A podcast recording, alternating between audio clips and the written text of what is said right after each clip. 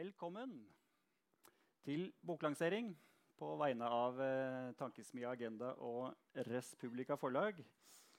Jeg heter Ivar Iversen. Jeg jobber i Agenda Magasin og skal lede oss gjennom en presentasjon og diskusjon av boka 'Terror i Europas hjerte'. Eh, boka kjøper dere her ute etterpå på vei ut. Eh, de tar alle betalingsmidler.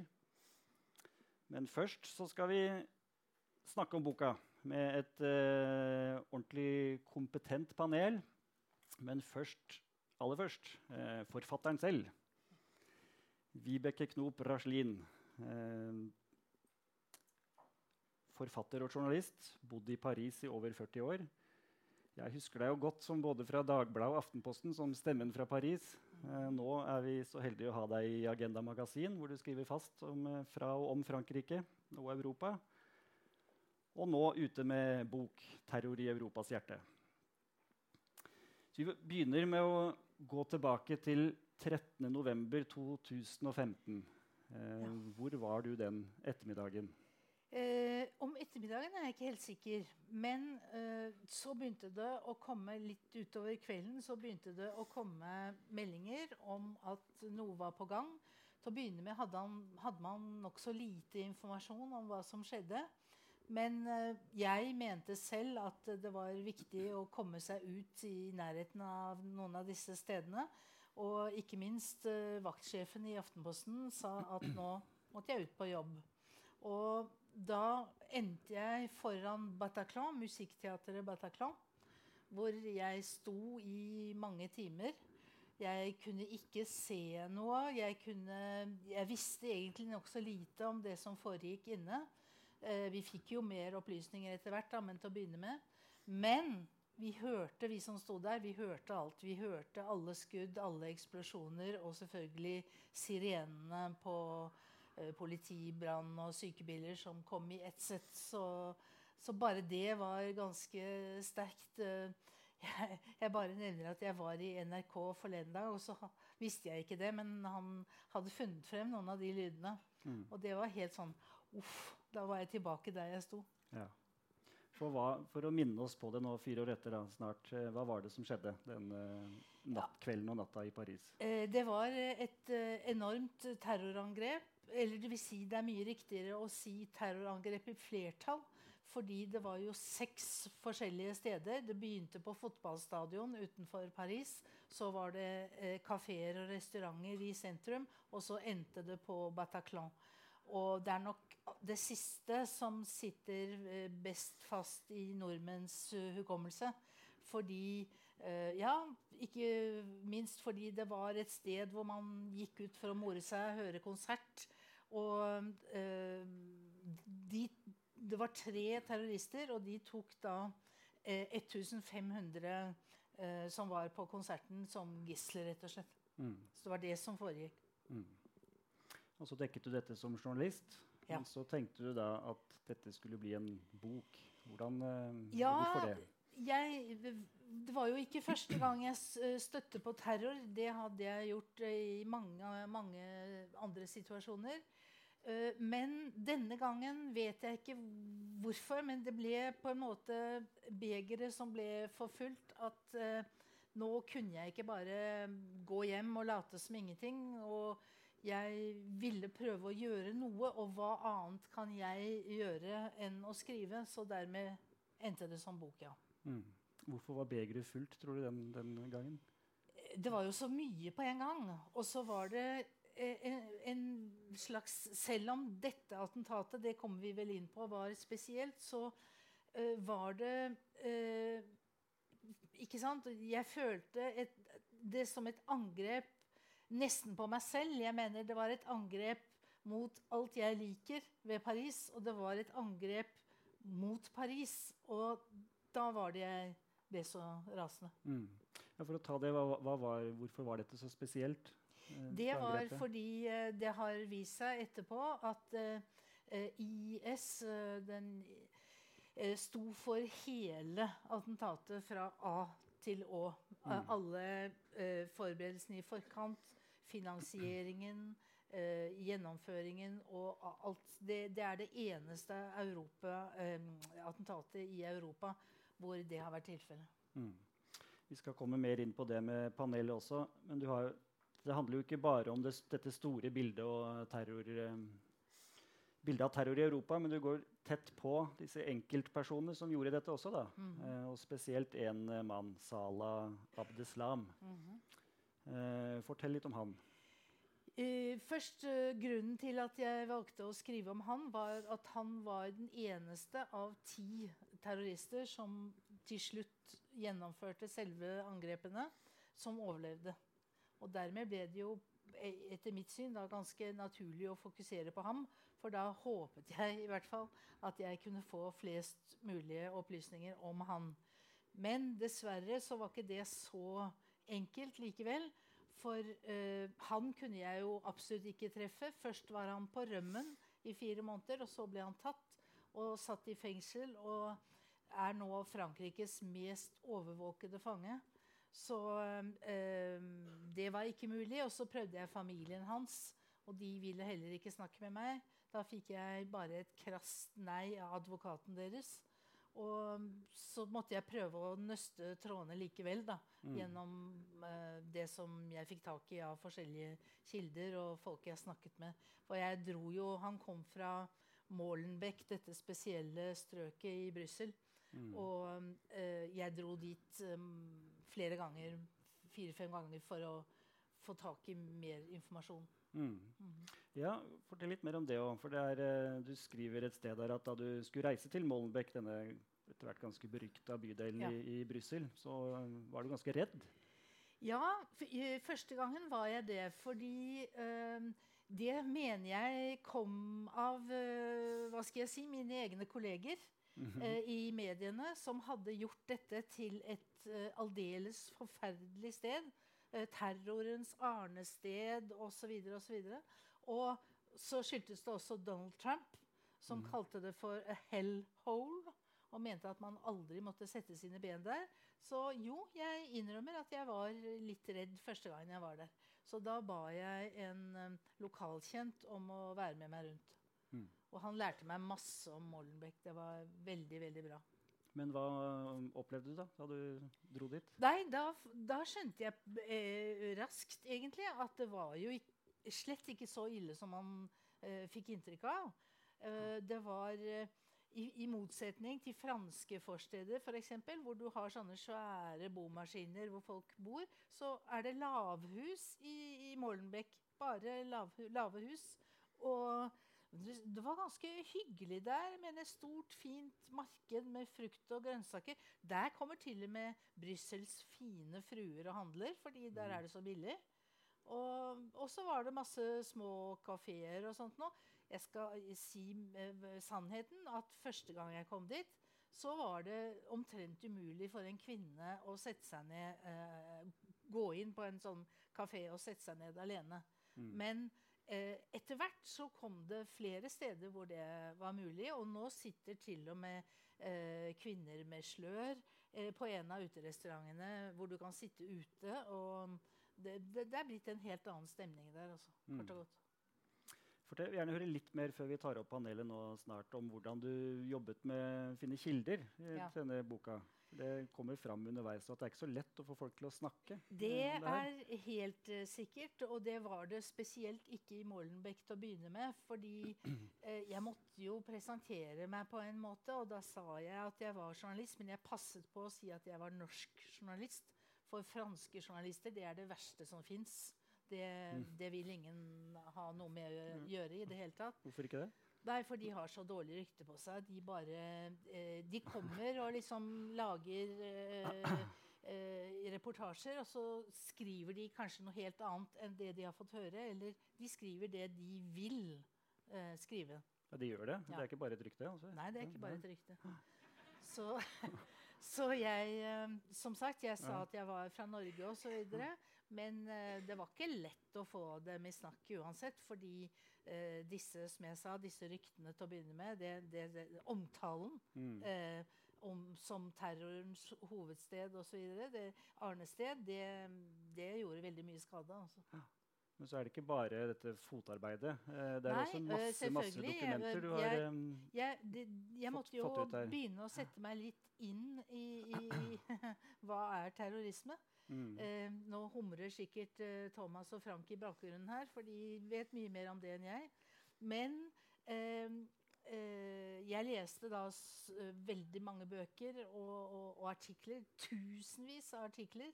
Og um, snakket med mange eksperter. Mm. Eh, både franske og belgiske og norske og i det hele tatt. Mm. Og, eh, og så fikk jeg en fenomenal tilgang til etterforskningsmateriale. Jeg fikk eh, adgang til en database med 90 000 etterforskningsdokumenter. Mm. Så det, det hjelper jo. Ja. Men de kan jeg ikke sitere fra. Men det synes i boka at du har hatt uh, tilgang til uh, mye informasjon. Uh, og vi skal gå både tettere på Sala og enkeltpersonene, men også det store fortellingen om terror i Europa, som denne boka handler om. Da skal vi få opp Thomas og Frank, som du sa, og Mm. Sylo. Resten av panelet kan komme fram. Det er da Frank Orban, Sylo Taraku og Thomas Hegghammer som skal være med oss videre for å gå dypere inn i dette.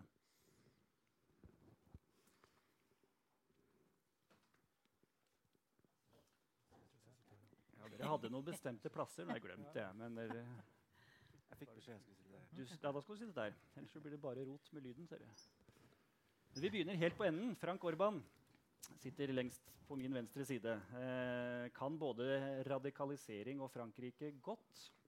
Førsteamanuensis ved Høgskolen i Østfold, der han underviser eh, og forsker på fransk historie, politikk og samfunnsliv. Og har også jobbet med det som heter mentorordningen for å forebygge radikalisering i norske fengsler.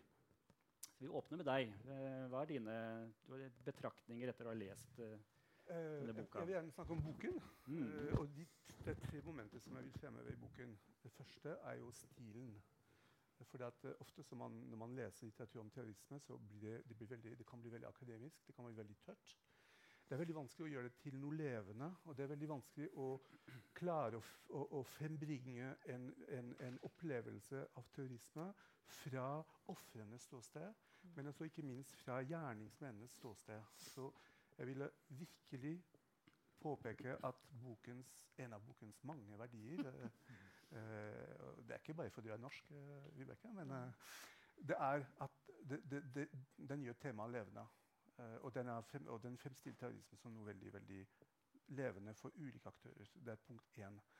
Punkt to um, Jeg syns at, eh, at du er kjempeflink til å gå inn i uh, ulike uh, personers indre og ytre betraktninger om opplevelsen av terrorisme. Og det gjelder både gjerningsmennene, men også ofrene. Du, du snakker lenge, mye, ofte også om ofrene. Mm. Alltid viktig å gi dem en, en, en, en, en, en stemme, og det gjør, det, det gjør du. Eh, så det syns jeg også er en veldig viktig verdi i boken. Og tredje ting som jeg vil påpeke, er jo at eh, det er jo et fantastisk arbeid, en, en, en fantastisk syntese som du har gjort av alt som har skjedd med alle aktører, og gud vet hvor komplisert helhetsbildet er. Men det er også et fantastisk eh, arbeid med altså, journalistikk, spesielt. Jeg vil fremheve den, det kapitlet, de, de kapitlene om Molenbeek, hvor, hvor du virkelig gir et uh, innsyn om, om, om hvordan, hvordan Mol- var før dette skjedde, mens dette skjedde, og ikke minst uh, hvordan, hvordan dette, dette er preget på en måte innbyggerne og Molenbeeks plass i Belgia, uh, og for så vidt også i ryktet i Europa.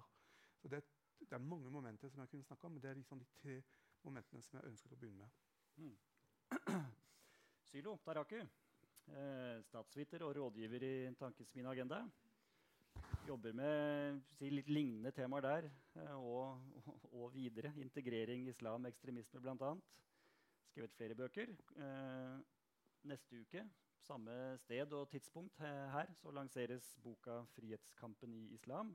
Vega Scene. Vega scene, ikke her. Ja, ja, bra du sa.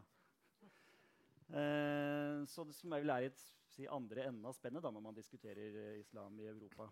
Jeg har sagt til Vibeke at uh, hun har skrevet bok om de slemme muslimene, mens jeg skriver om de snille om da kan du få begynne med å snakke litt om de slemme i dag. da.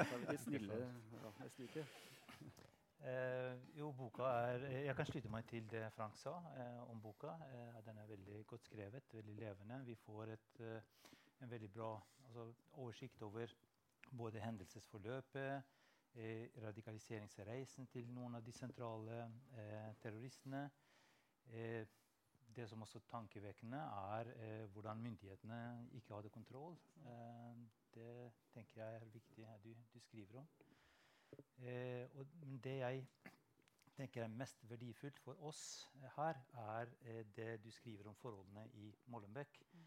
Eh, om utenforskapsproblemer og hvordan segregeringen eh, og den mistilliten og de sosiale problemene der eh, kan skape grobunn for, for, radikalisering.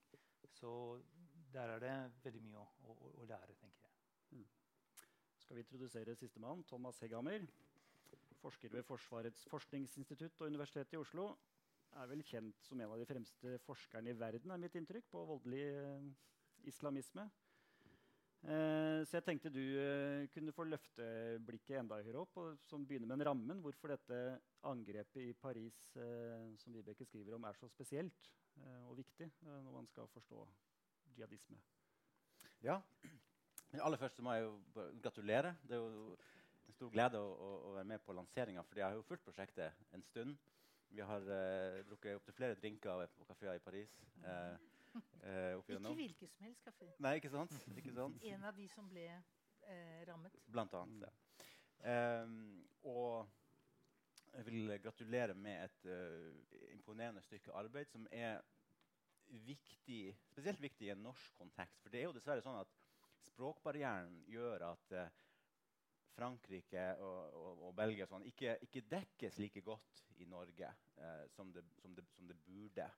Uh, og du er, er jo er blant de fremste, eller kanskje den aller fremste måte, ambassadøren for eller tolken av Frankrike og har vært i mange år. Så eh, ingen andre som kunne gjort denne jobben i Norge bedre enn en deg. Uh, og boka bærer preg av det som de andre har, har sagt. Uh, når det gjelder betydninga av tematikken, eh, så eh, er det vanskelig å få understreka sterkt nok hvor viktig denne operasjonen, altså Bataclan-operasjonen var. Dette er Europas 11. september. Både med tanke på omfanget, eh, hvor mange som ble drept, eh, men også ikke minst på påvirkninga det hadde på europeisk politikk. Mm.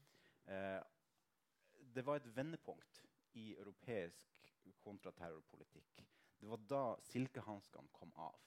I betydninga av at fram til da så hadde Europa på en måte eh, et selvbilde av en mer human kontraterrorpolitikk enn USA. Vi husker alle måte, den europeiske kritikken av Bush-administrasjonens krig mot terror osv. Uh, og, men etter Bataclan så, fant, så, så, så, begynte Europa å gjøre akkurat de samme tingene og verre ting enn det Bush gjorde på 2000-tallet. Alt det her pga. Bataclan-angrepet. Jeg husker Francois Hollande som, som, mm. som erklærer uh, Det første han sier, er 'La France est en guerre'. Mm. Og det her følges opp med uh, sånne unntak, un, unntakstilstand mm. som fortsatt er på plass. Og en serie virkemidler både i Frankrike og i andre europeiske land som ville vært helt utenkelige for ti år siden. Mm. Eh, stengninger av moskeer, som man eh, anser eh, på varierende grunnlag for å være for radikale. Deportasjoner av imamer. Eh, fjerning, og, og, og, mange andre med, med, en annen tilknytning til terror. Eh, fjerning av statsborgerskap. Eh, arrestasjoner av, av, av folk på grunnlag som man tidligere ikke arresterte folk for. Man senka terskelen for måte, eh, intervensjon fra politiets side. Da. Så det her har jo eh, ført til en, en, en total egentlig, uh, omveltning av det europeiske kontraterrorregimet som, som, vi da fortsatt lever med i, i, i, dag. Så denne episoden er ekstremt viktig for å forstå både terrorisme generelt, men også egentlig europeisk historie. Mm. Du glemte unnskyld at jeg sier det, men du glemte eh, dette med at det er vel første gang et europeisk demokrati har i gåseøynene tatt ut eh, terroransvarlige. Drept dem Ja, med eh, hjelp av amerikanske droner. ja kan si, det her begynte jo sånn, sånn smått av, med, eh, i USA på 2000-tallet. Men eh, de, de amerikanske måte, prosedyren har, var faktisk mer eh, transparent egentlig enn den eh, franske og, og, og den til en del andre europeiske land. som vi skal ikke nevne navn på. Men det som skjedde etter det her, var jo det at Frankrike blant annet sender spesialstyrker til Irak for å jakte på og drepe egne borgere som, har, som er medlemmer av, av, av IS. Den type ting. Det er ting som, som selv ikke Bush gjorde i, under krigen mot terror. Så, så, så, så det har skjedd en, en stor endring i hva myndigheter gjør, og hva folk, liksom, hva, hva, folk aksepterer at myndighetene gjør.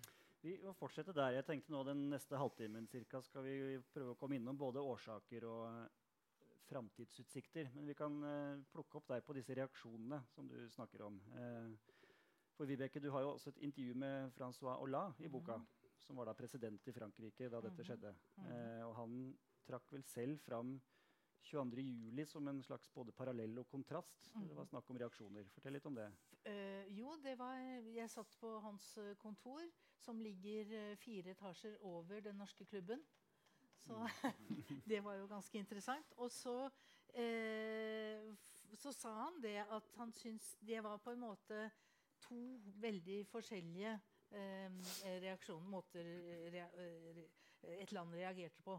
Her i Norge så snakket jo, eh, kom jo Stoltenberg med sin berømte tale med mer åpenhet, mer demokrati og Nå husker jeg ikke hva det tredje han sa var. Eh, og så. Ja, akkurat. Og så eh, eh, i Frankrike, så, som Thomas sa, så, så eh, eh, Det første han sa, var jo Nei, nå er Frankrike i krig.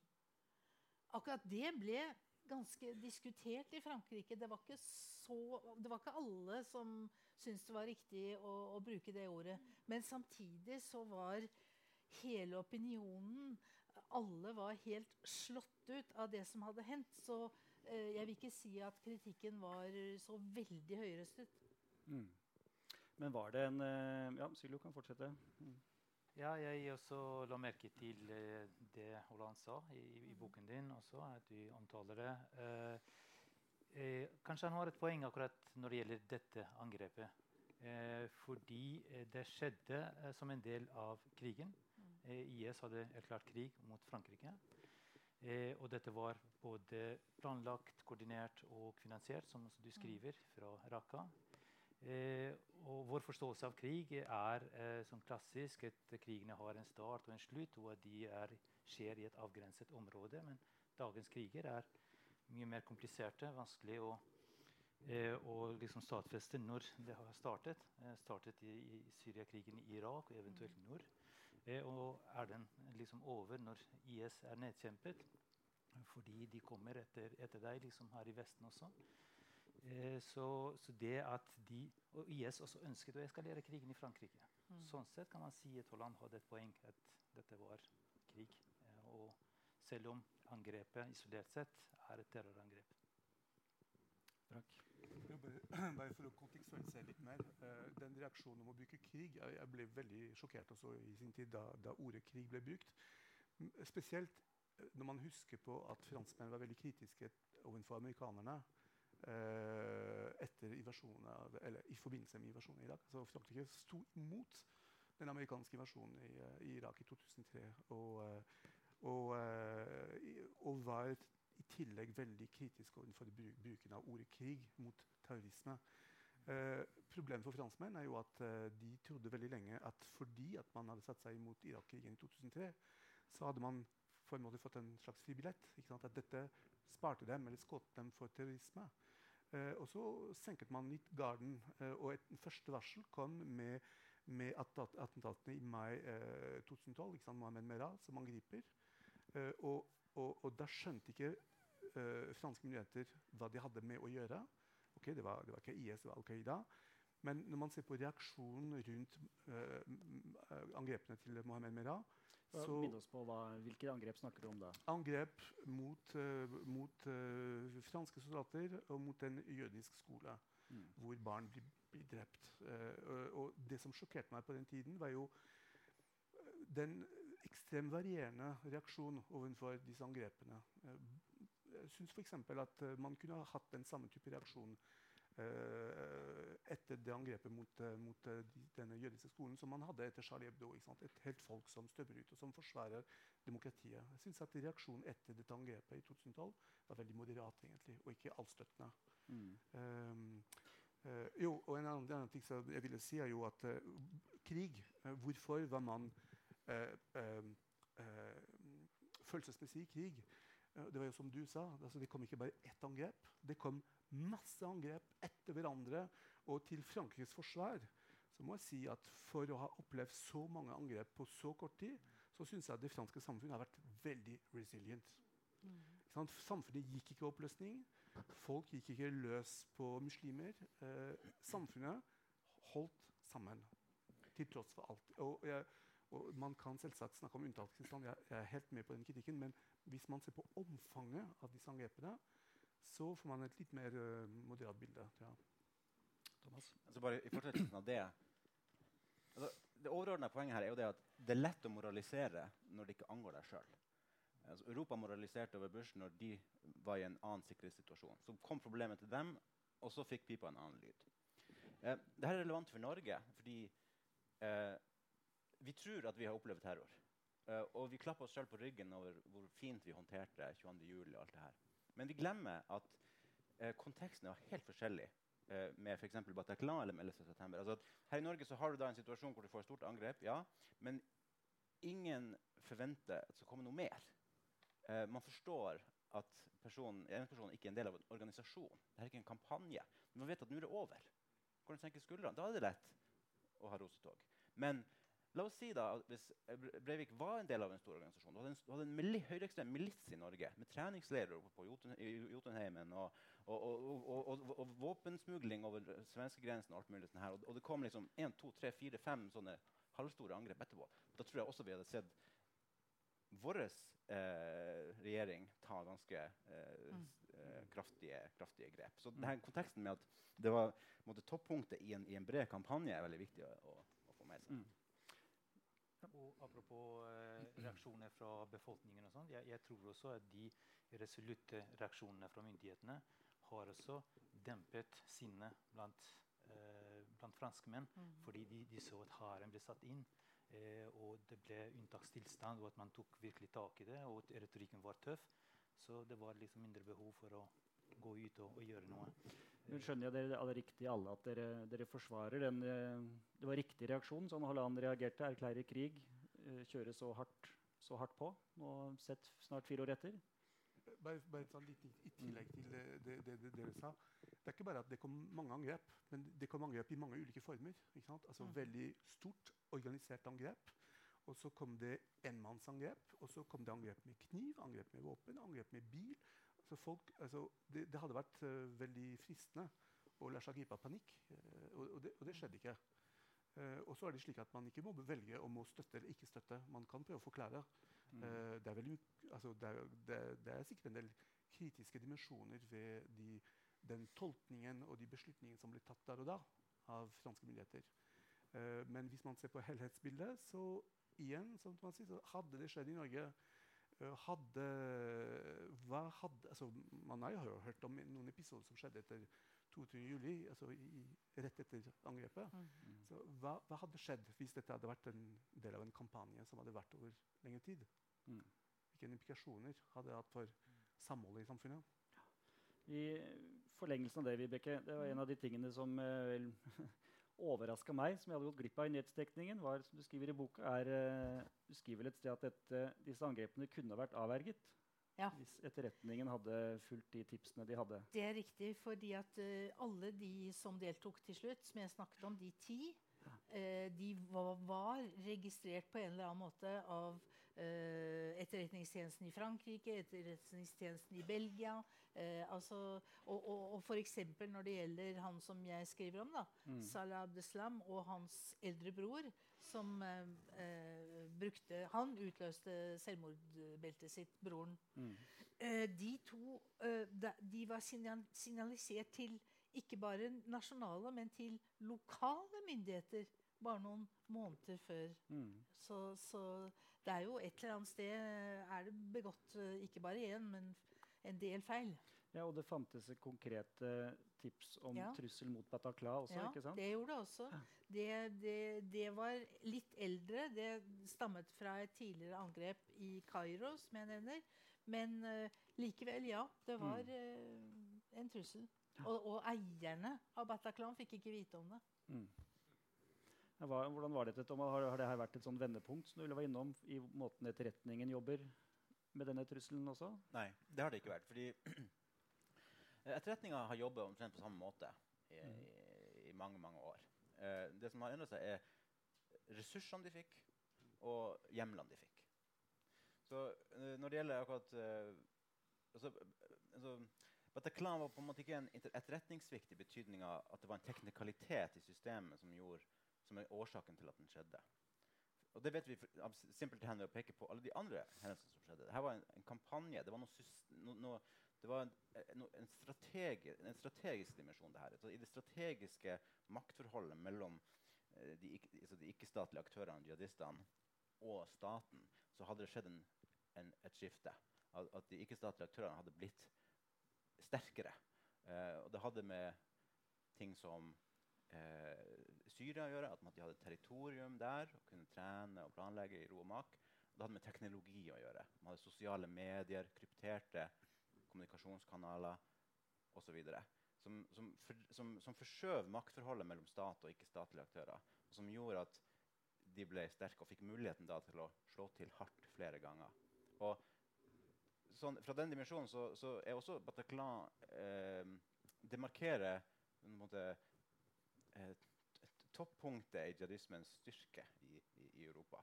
Eh, det, det er verdt å, å notere at, at eh, altså, Du snakker jo også om det i boka. Altså at Bataclan er jo ikke altså, Bataclan-folkene de var, de var, Det var et større nettverk som gjennomførte flere aksjoner.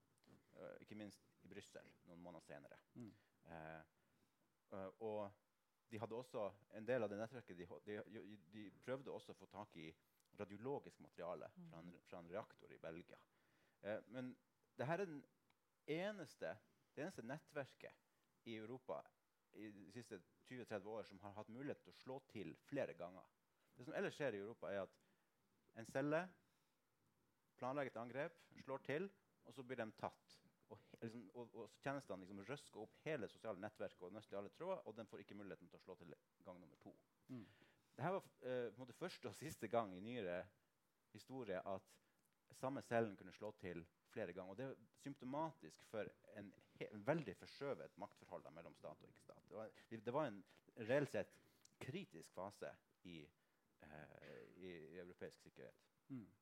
Vi eh, går prøver å gå litt videre eh, fra dette mer abstrakte, eller ikke abstrakte, men overordna, til eh, det helt konkrete, som du også skriver mye om. Eh, hvor, eller, hva får folk til å gjøre sånne ting? Eh, du skriver i et, boka i et utdrag som vi har publisert i Agenda magasin i dag, eh, bl.a. at terroren handler om å gjenopprette en form for tapt verdighet. Mhm. Eh, og hvordan en slik idé kan oppstå, er en av radikaliseringens store gåter. Så hva fant du ut, eh, hvis det går an å si noe litt kort om det, om hva som får disse unge mennene til å gjøre så grusomme ting?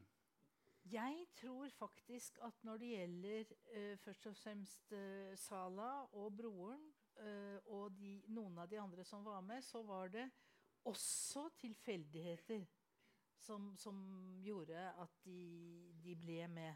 Men han som var koordinerte angrepene i Paris, Abaoud, som han heter, Mm. han var av et helt annet kaliber.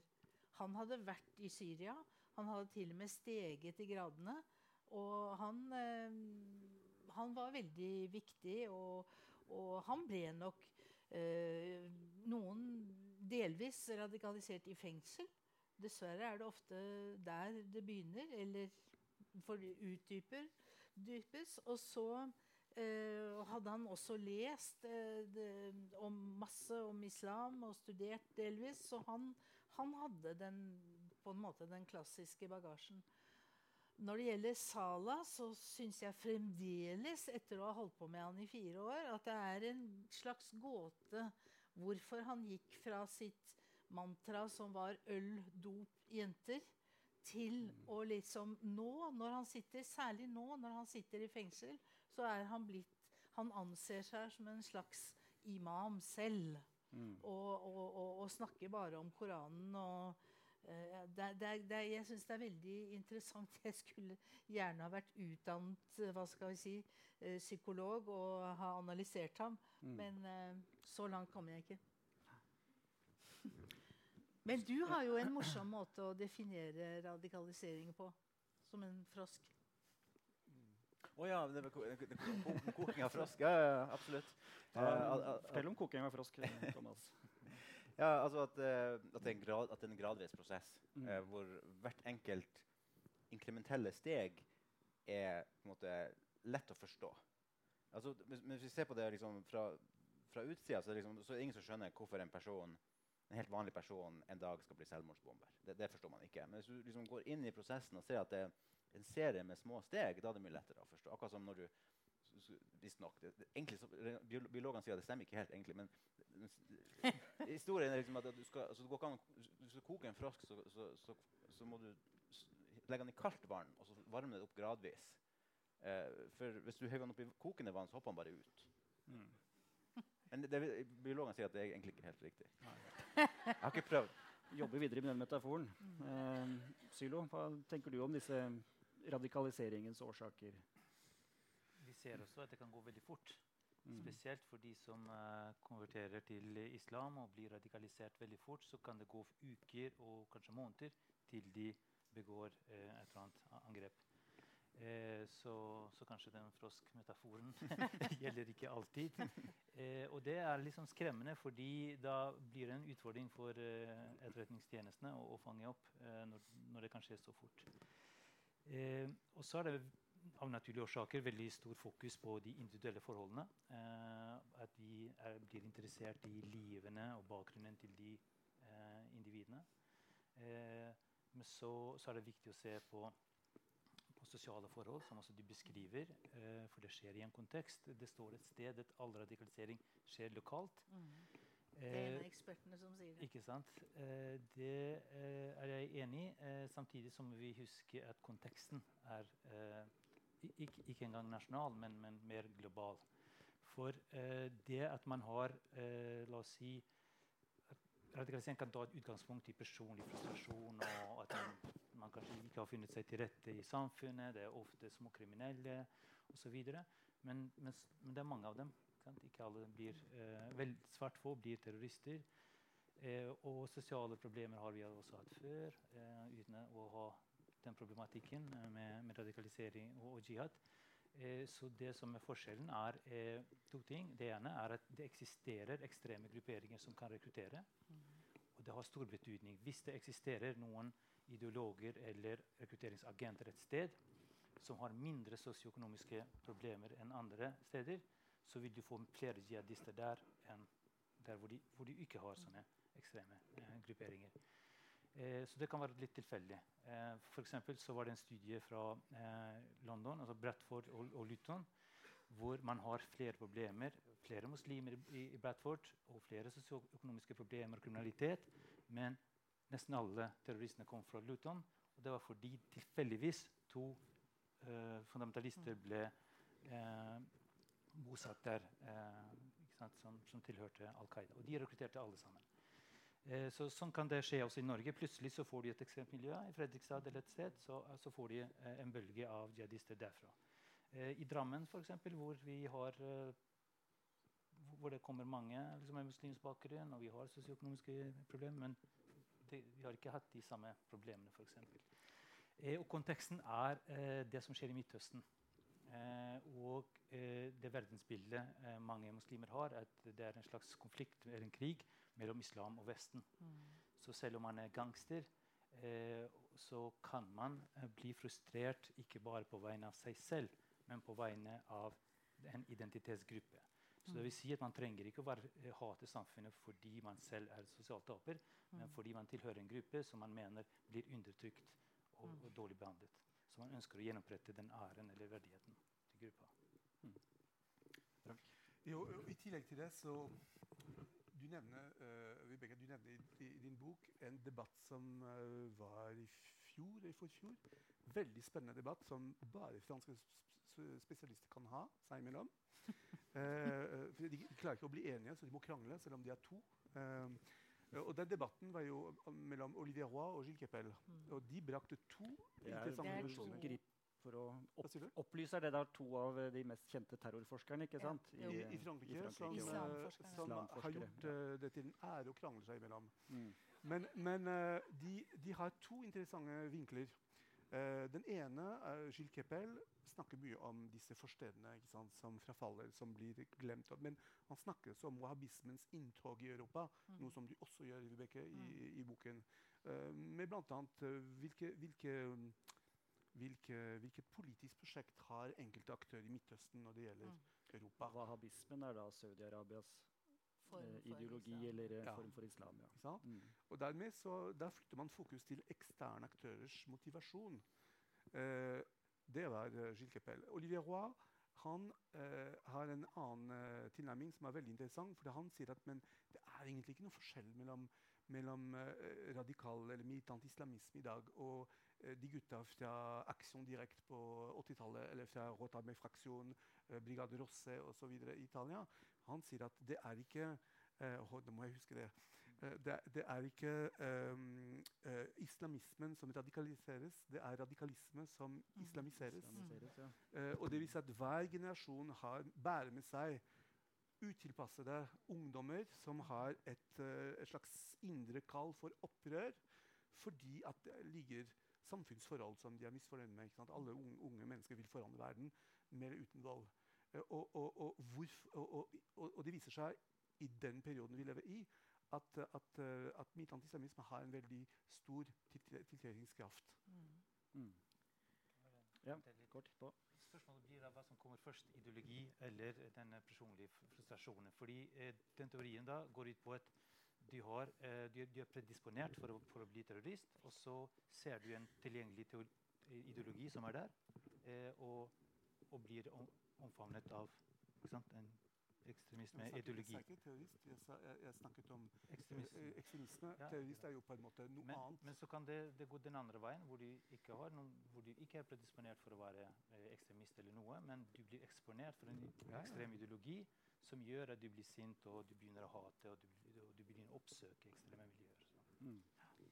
Jeg, vil, jeg, vil, bare si, uh, det glemte jeg i sted, at en annen grunn til at gjengen fra Molenbeek uh, lot seg rive med, var at svært mange av dem hadde tidligere begått noen forbrytelser. Og, uh, uh, og, så lovet, ble de da lovet av islamistene at hvis de deltok i et attentat, så ville de bli tilgitt og likevel få komme til paradis med 72 jomfruer. Så mm. det var et viktig moment. Direkte billett også. Mm. Og det er innom det også, den si, utviklingen som skjer med han Sala. Mm. Altså han, for sånn du framstiller han, så virker han som en litt sånn stakkarslig gangster. egentlig mm. Også gjennom angrepet og etterpå. Mm. Eh, litt sånn vanskelig å få tak på han egentlig skjønte hva han var med på og var så ideologisk overbevist. Men så en av de som sterke scenene i boka mot slutten, så blir han omsider framstilt for retten og skal snakke offentlig. Det var vel i februar i fjor.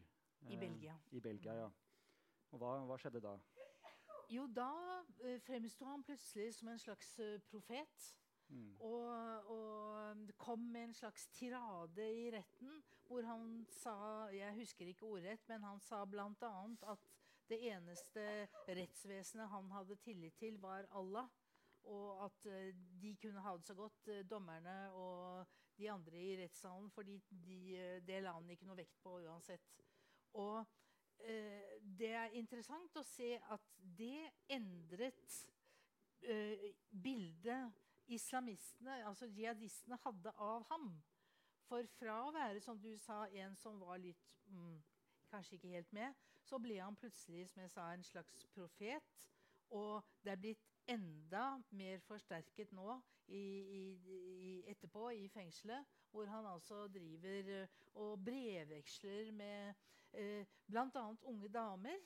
Eh, og skal eh, vise dem veien, den rette veien i islam. Ja. Kan jeg få legge til den lille anekdoten da, eller? Mm. Mm. Eh, på mitt forrige forlag så eh, eh, Jeg ville jo på eh, enhver måte prøve å finne ut eh, mer om han, altså få mer informasjon. Og jeg visste at jeg ikke kunne treffe ham, men jeg visste også at han svarte på brev, særlig fra beundrerinner. Så jeg hadde da tenkt å fremstå som en eh, troende muslim som trengte, trengte litt eh, rettledning på veien. Men da sa, satte forlaget he foten helt ned og sa at det var ikke tale om. Nei, det var noe stusslig svart. Det er en eh, ja. Hva var dekknavnet ditt? Jeg hadde ikke, hadde ikke funnet på det ennå. Uh, vi, vi, vi, har, vi, vi har alltid veldig store bilder om, eh, om, om islamisme, radikal islamisme, eh, ideologi, radikal ekstrem ideologi. Men, men det kan ligge på et helt annet nivå. Altså hvis man, eh, vi, vi refererer også til eh, bok, altså de to bøkene til David Thompson, Mm. eh, hvor han eh, snakker om en eh, fransk, som, kjent som måtte gjemme seg eh, etter hvert. For han, Mm. han skrev om Han fulgte hjemvendte, eller som før de ble hjemvendte, over, lang, over lenge tid. Og han, skrev, han beskrev den første perioden, den første fasen av eh, de som reiste ut i Syria, som lol jihad. Mm. Eh, lol jihad det er den morsomme perioden ikke sant, Mm. hvor, For å ha det gøy. for å ha det gøy, hvor, hvor du gikk fra å ikke være noen, eller en små kriminell, til å ha bil, hus, lett tilgang til jenter. Du kunne bytte flere ganger. Mm. Altså Fra å være på en måte et, et eh, idealistisk, imaginært liv til å kunne oppleve dette imaginære livet. Mm. Eh, og og dette, ble jo, dette, dette ble jo veldig fengende for mange, eh, og som kunne til og med sende bilder på Facebook eller bruke sosiale medier for å tiltrekke flere. For det der var det gode livet. Mm. Det endret seg etter hvert. Men uh, det viser også hva, som, hva slags motivasjon man kunne ha for, for å reise nedover og oppleve Mm. spenningen. Mm. Eller fra et mer religiøst ståsted så kan man si at det å være med på et så stort prosjekt som gjenopprettelse av kalifatet var veldig tiltrekkende. Mm. For da er man med på noe historisk Mm. eh, og som gir også status. Ikke sant? Ja. Det er forskjell mellom Mera i, i, i 12 og, og eh, Mm. vår mann i, eh, i 15. Tida går altfor fort, altså. Vi, eh, vi har bare fem minutter igjen. Um, så vi må bevege oss på en avslutning med mm, hva vi kan lære av dette. står på, Mhm. på baksiden av boka. Det er en historie vi må lære av om vi skal unngå at noe lignende skjer igjen. Um, så hva kan vi lære? Og vi, vi, tror- må vi leve med at dette skjer i, igjen og igjen? Eh, hva skal jeg si? Ja. Uh, som franskmennene sier, ja og nei. Uh, jeg tror vi kan alltid lære av det som har skjedd, og prøve å settes, sette oss inn i, som jeg har gjort litt forsøk på i boken, hvorfor, hvordan, hvem osv. Men Eh, og jeg må si, eh, nå som jeg er i Norge, at jeg syns det er veldig rart at såpass mange nordmenn ikke vil lære av det som skjedde her Det som skjedde her i i Norge? to, i- 22. juli. Mm. Altså, de vil ikke høre om vedkommende. De vil ikke eh, vite noe mer om han. Han skal eh, utraderes, Mhm. har jeg inntrykk av. Mm. Eh, Så i- tvert imot mener jeg at man kan lære. Og når det gjelder å finne en løsning på det som skjer Jeg tror ikke så mye på at våpen, krig, kan hjelpe. Men eh, her eh, tror jeg kanskje at mine tre naboer vet eh, mye mer. Ja, Thomas, du skrev en art, sånn fagartikkel for et par år siden eh, om jihadismens framtid, som du kalte en sånn pessimistisk syn. Eh, hvor du vel argumenterte for at dette Selv om nå kalifatet er borte, IS er tilsynelatende slåss, så er vi ikke slått. Så er vi ikke ferdig med dette. Eh, hva tenker Ja. du i dag? Eh, jeg er litt mindre pessimistisk. Eh, og det er fordi uh, europeiske myndigheter har tatt grep uh, mot problemet. Og de har tatt uh, sterkere grep enn jeg hadde forventa. Derfor tror jeg den artikkelen, den prediksjonen, kommer til å bli litt feil. For jeg skrev jo på en måte, skrev den sånn midten av 2015, egentlig før Eller var det 2016?